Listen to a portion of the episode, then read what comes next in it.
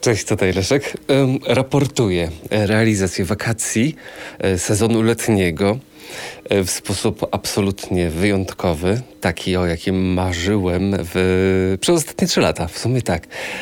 Um, wiem, że mam przez to też zaległości na y, podcaście, a wiem, że mam odrobinę też zaległości na, na YouTubie, ale co najmniej raz na tydzień staram się wrzucać nowe wideo, e, które tak jakby razem ze mną uczestniczy w tym, co aktualnie się u mnie dzieje.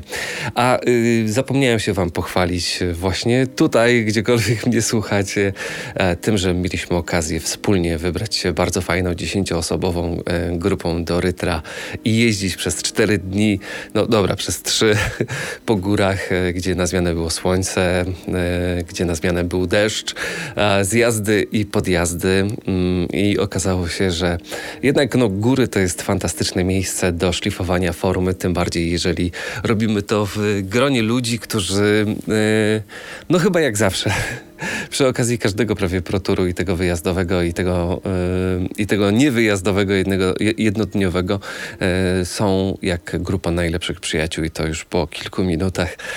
Yy, to jest niesamowite, że my nadajemy wszyscy na, na jednych falach i dlatego strasznie się cieszę, że udaje mi się, mm, nam wszystkim, że udaje się budować taką społeczność, a która jest yy, zupełnie inaczej kojarzona niż w przypadku takiego ortodoksyjnego kolarstwa szosowego, czy takiego ortodoksyjnego triatlonu, e, gdzie to bardzo często ludzi się porównuje albo wytyka za, nie wiem, wygląd, umiejętności, poziom doświadczenia, czy też, czy też mocy.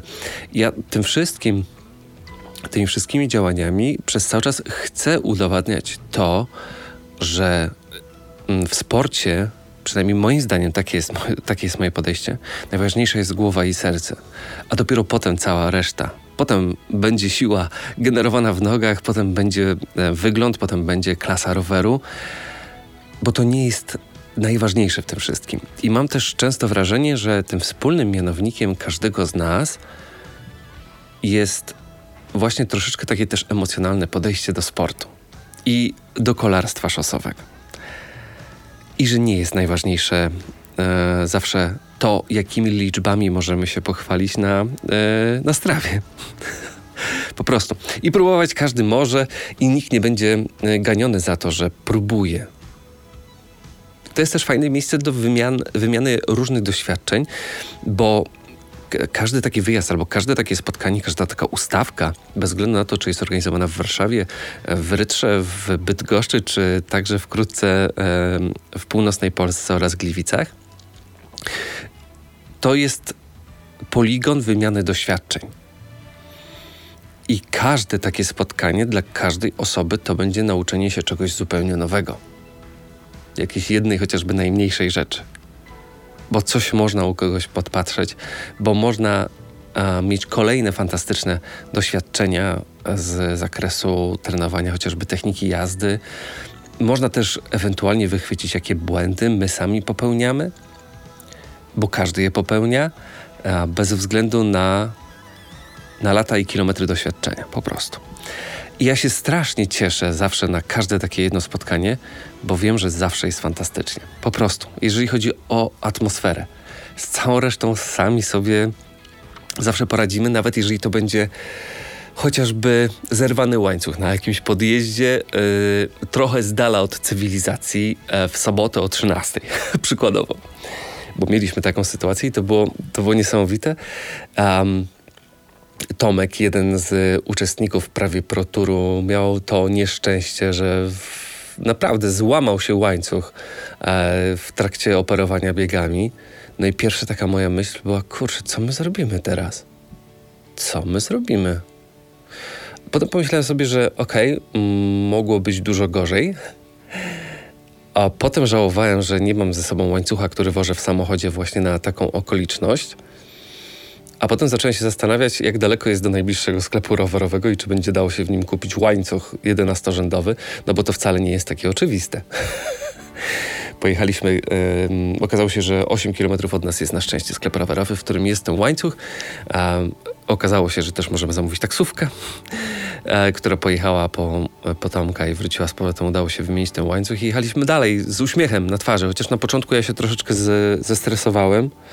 Zestresowałem się i zdenerwowałem po prostu. O, no tak, na tę sytuację. No bo ja jestem w końcu organizatorem i ja muszę to ogarnąć. No przecież nie... Mm, nie możemy nikogo zostawić po drodze.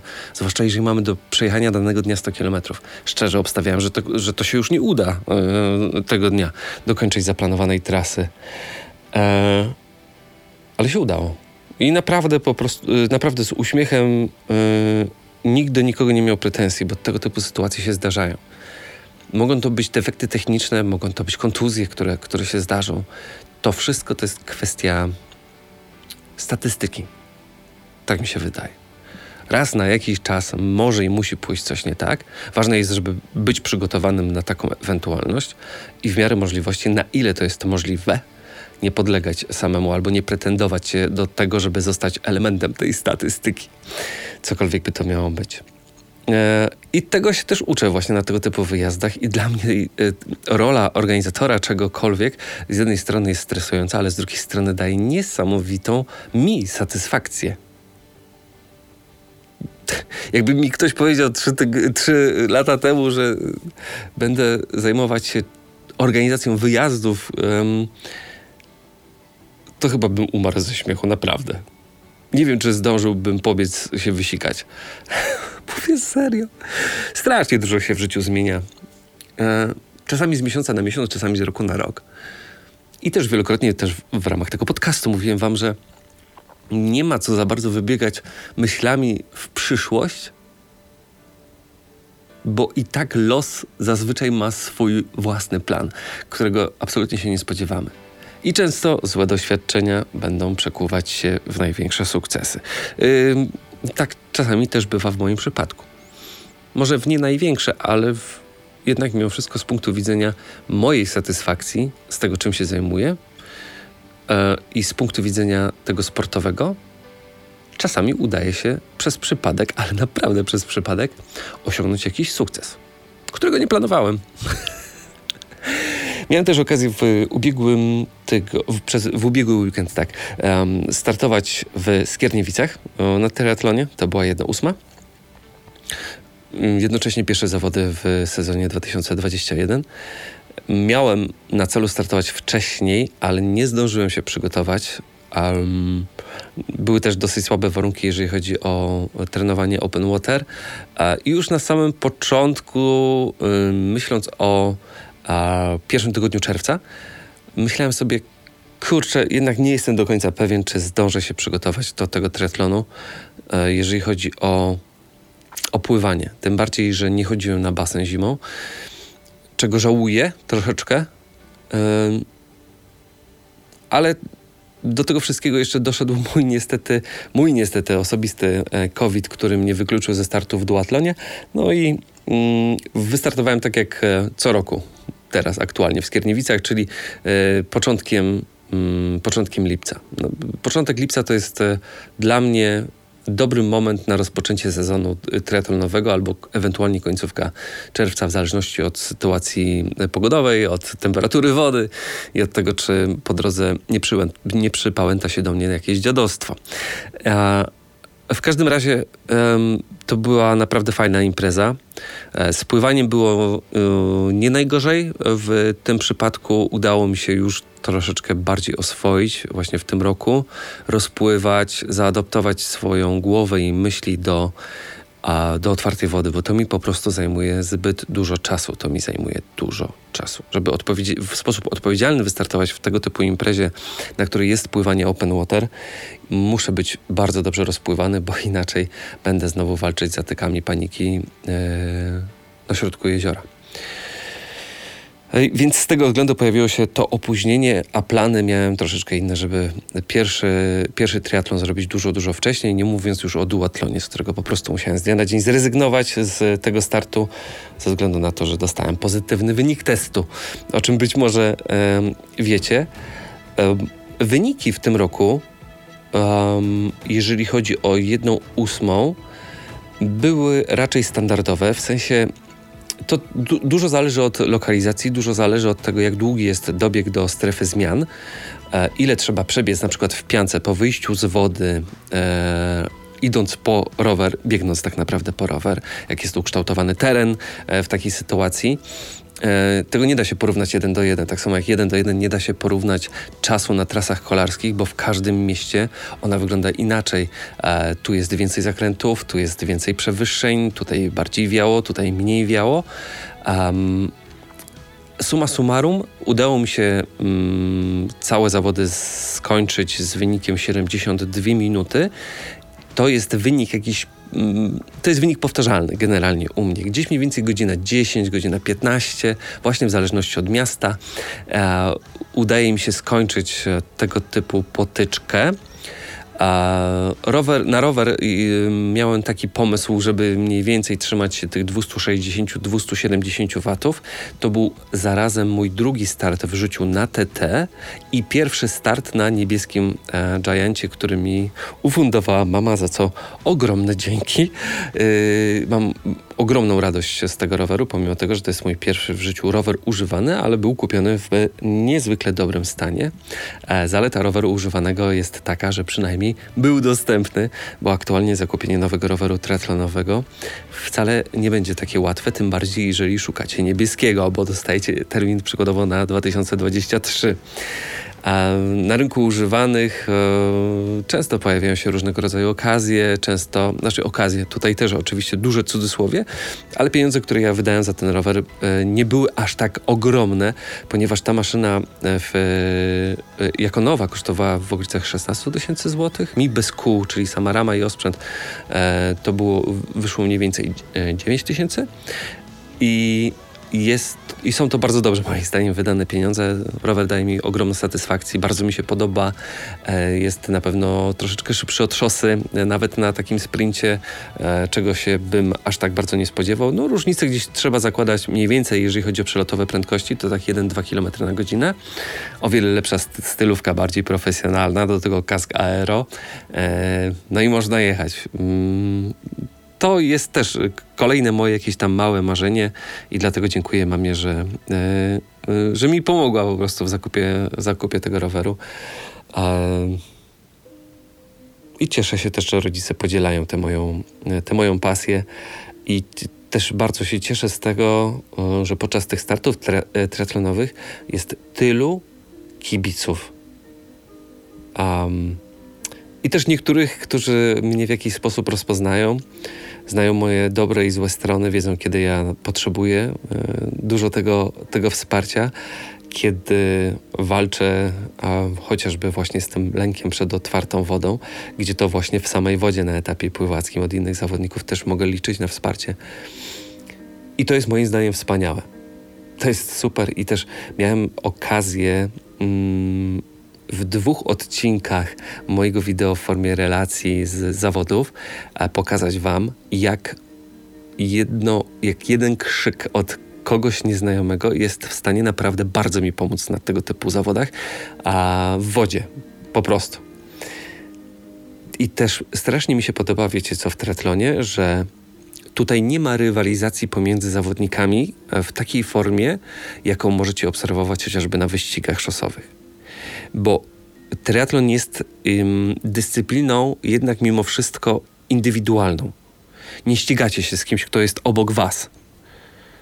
Poniekąd y, rzecz jasna, każdemu zależy jak na y, najlepszym czasie, po którym przebiegnie przez linę, y, linię mety, ale to nie jest tak, że ja przykładowo chciałbym e, udowodnić e, sąsiadowi e, numer obok, że że jest słabszy ode mnie.